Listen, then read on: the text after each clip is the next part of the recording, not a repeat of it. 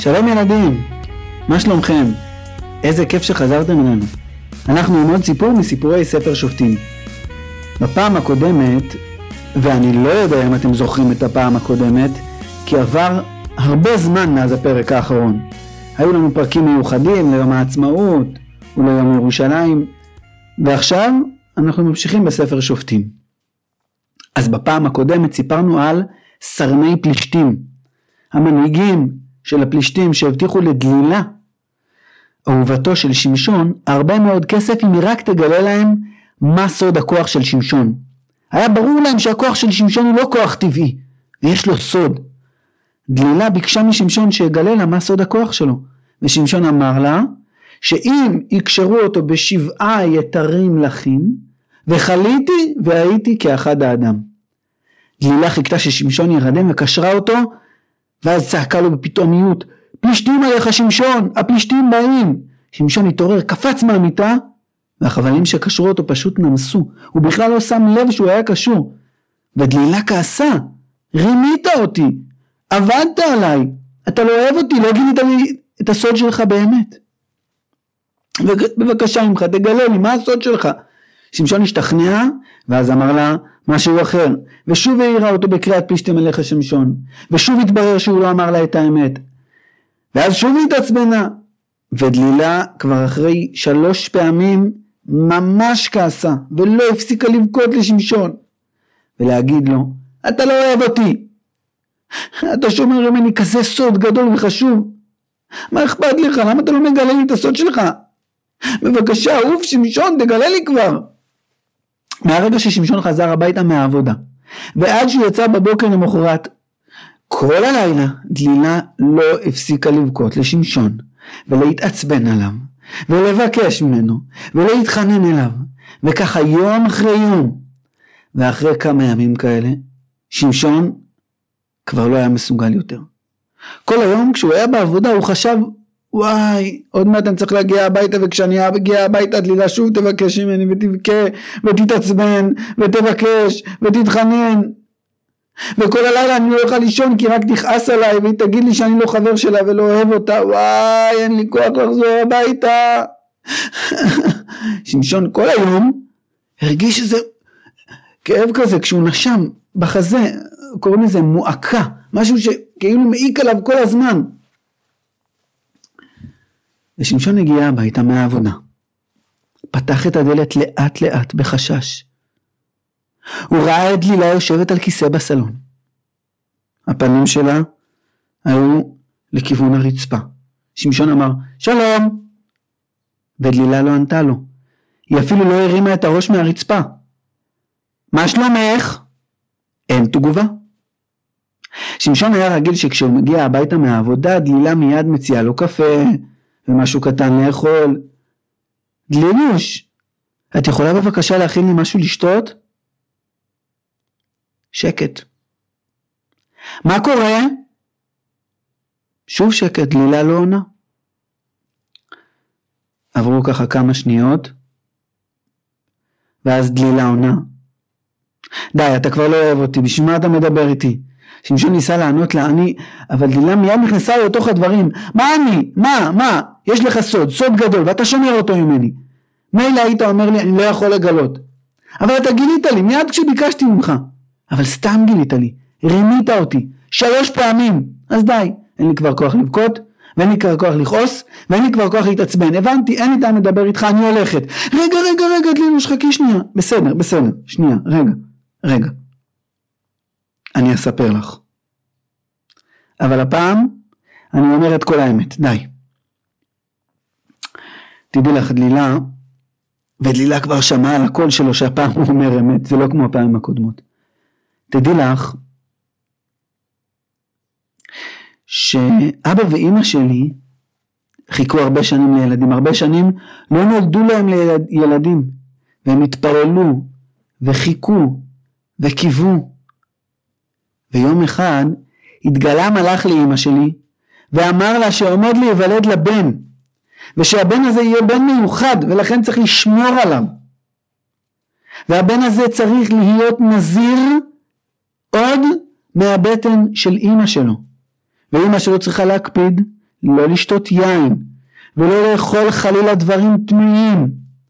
וכשהבן הזה ייוולד, לא לגזור לו ולא לספר לו את השיער. ואז שמשון הסתכל על דלילה ואמר לה, אם יגלחו אותי, אם יספרו אותי, אם יגזרו לי את השערות שלי, וחליתי והייתי כאחד האדם. זה הסוד שלי. היה שקט. שקט שדלילה הבינה בו, שהפעם זה לא סתם סיפורים ושטויות, זה אמיתי, ושמשון אמר לה כל מה שהיה לו להגיד. שמשונוש, מה אני מכינה לך לשתות? אתה רוצה קפה קר? כן דלילה, תודה. אבל רגע, רק שנייה, אני צריכה לצאת להביא חלב מהשכנה, בדיוק נגמר לנו החלב. דלילה יצאה מהבית, היא הלכה למקום המסתור של החיילים הפלישתים שחיכו כל הזמן ליד הבית של שמשון. היא הלכה ליד המפקד שלהם ואמרה לו בלחישה, תקשיב, הלילה זה יקרה. תקרא בבקשה לכל המפקדים של הפלישתים, לכל סרני פלישתים שיבואו להיות איתך פה הלילה במחבוא, ושיכינו כבר את הכסף שהם הבטיחו לי, וכשאני אסמן לכם, תשלח מישהו לתוך הבית שיש לו מכונת תספורת, מישהו מוכן כבר מראש עם מכונת תספורת, אנחנו נספר לשמשון ביחד את כל השיער, ואז נסמן וכל החיילים ייכנסו אליי הביתה, ואז אני אעיר את שמשון ואתם תתפסו אותו, בסדר? וזה בדיוק מה שקרה. גלילה נתנה לשמשון לשתות קפה. ואז אמרה לו, שמשונוש, אולי תשים עליי ראש. תישן, תרדם לי על הברכיים, כמו שהיית נרדם עליי פעם, כשרק הכרנו. ושמשון שהיה עייף ומותש אחרי ימים ימים ימים של עבודה, וימים שהוא לא ישן בלילה כי דלילה שיגעה אותו, פשוט שם ראש ונרדם. דלילה חיכתה עוד כמה שניות כדי לשמוע את שמשון שהוא ממש מתחיל כבר לנחור ולישון שינה עמוקה. ואז בעדינות בעדינות היא הורידה את הראש מהברכיים שלה והניחה אותו על הספה. יצאה לכיוון הדלת ורק סימנה עם היד שלה לפלישתים סימון שמי שהתכונן לספר את שמשון יכול לבוא הביתה. הגיע חייל עם מכונת תספורת ותוך חמש דקות בערך כל השיער של שמשון, ערימות של שיער היו מונחות על הרצפה. היי, אדון ספרוס, אתה לא הולך פה מהבית בלי לנקות לי את כל השערות שעשית כאן, בסדר? שמעת, אדון ספר פלישתי? אחרי התספורת נכנסו כמה עשרות חיילים חמושים לבית של שמשון, עמדו מתוחים ומוכנים, ביניהם עמדו גם המפקדים הכי בכירים של הפלישתים, סרני פלישתים, והרגע המכריע התקרב.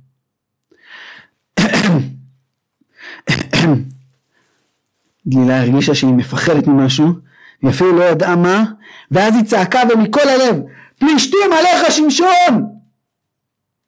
שמשון שמע את הצעקה, פתח את העיניים, אבל אז הוא פשוט הרגיש שאין לו כוח לקום, הוא גמור.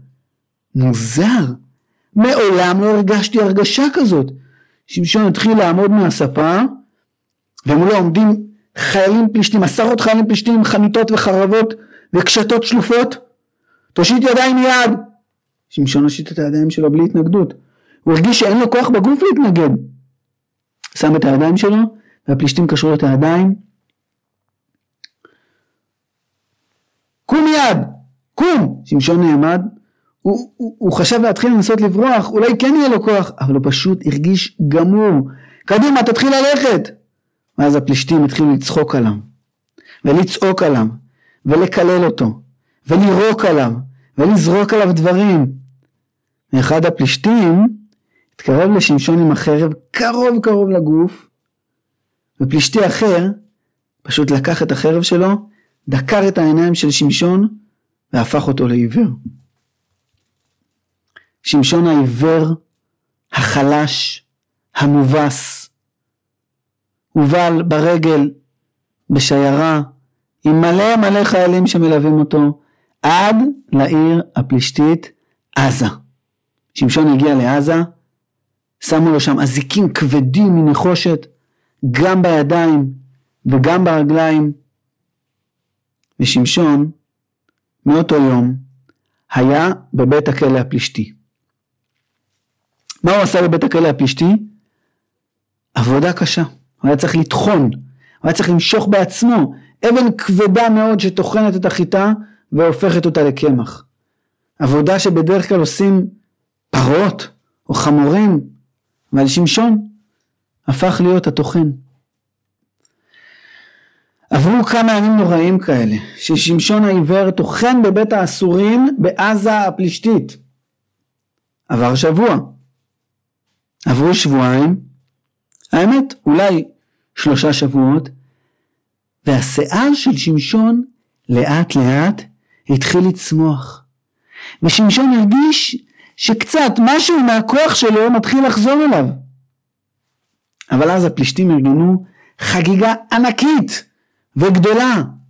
היו להם אלוהים אחרים, עבודה זרה שקראו לה דגון.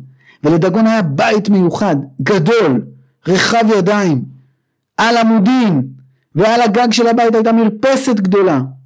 והפלישתים ארגנו את כל האזור הזה, שמו שם מוזיקה, וכיבוד, ויין, ובשר, וחטיפים, ולחם, מלא מלא דברים, ופשוט הזמינו כל מי שרוצה למסיבת הודיה גדולה לאל דגון על כך שניצחנו את האויב שלנו, את שמשון, את מחריב ארצנו, בזכות האלוהים שלנו דגון. גם את שמשון הביאו במיוחד מבית הסוהר למסיבה הזאת. הוא עמד שם באמצע המסיבה, מתחת לבית דגון, על יד העמודים, קשור בידיים, קשור ברגליים, עיוור ומסכן, וכולם פשוט צוחקים עליו ויורקים עליו. אוכלים ונהנים ושרים ושותים, ושמשון סובל. שמשון ביקש מהשמר שלו, אתה מוכן רגע לפתוח לי את הידיים שאני קצת אתמתח? אז השומר שלו פתח לו כזה את הידיים, שמשון התמתח! ונשען קצת על העמודים, היו שם שני עמודים גדולים, ענקיים, מאבן, ושמשון ככה הרגיש אותם, ונשען עליהם.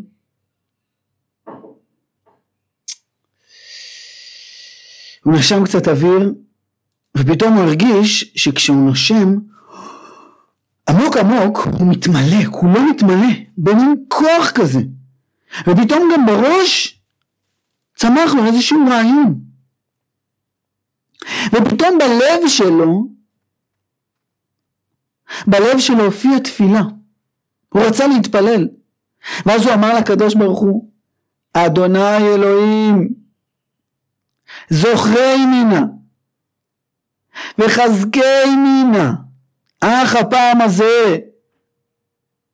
והיא נקמה נקם אחת משתי עיניים מפלישתים. השם תזכור אותי תזכור את כל מה שעשיתי למען עם ישראל. השם תחזקני בבקשה רק בפעם הזאת. זהו הכוח שלי כבר עזב אותי. אבל פעם אחת עוד אני מבקש ממך שתיתן לי את הכוח הזה שאני אוכל לנקום את נקמת שתי עיניי שעברו הפלישתים הרשעים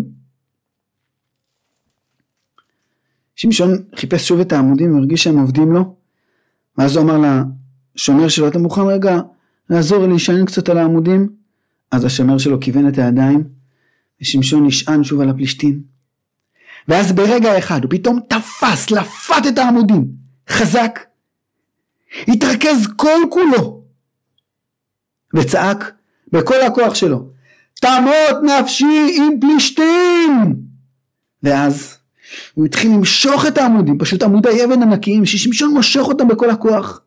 מושך, ומושך, וברגע אחד הוא פשוט עוקר את העמודים ממקומם, והעמודים מתמוטטים, והבית הענק הזה קרס בקול רעש גדול על שמשון, ועל אלפי אלפי אלפי פלישתים חוגגים וכל מי שהיה על הגג או בבית או מתחתיו פשוט נפל בקריסה הגדולה של בית דגון. אלפי פלישתים נהרגו ובין הפלישתים המפקדים והאנשים הבכירים ביותר וסרני פלישתים נהרגו בהתמוטטות בית דגון. וככה נגמר סיפורו של שמשון. שמשון הגיבור, שמשון שהגן על עם ישראל והרג הרבה פלישתים. שמשון שהלך אחרי העיניים שלו והיה עם נשים פלישתיות. ושמשון שהתעוור, אותם עיניים התעוורו לו בסוף חייו. שמשון שהרג כשהוא מת יותר פלישתים ממה שהוא הרג כשהוא היה חי.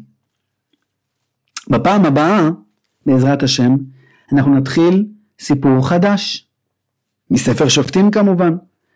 סיפור על איש אחד שקראו לו מיכה, שהיה גר בהר אפרים, ושיום אחד הוא גנב, טוב, לא חשוב, אנחנו נספר עליו בעזרת השם בפעם הבאה של סיפורי תנ"ך לילדים. תודה רבה שהאזנתם לנו. להתראות.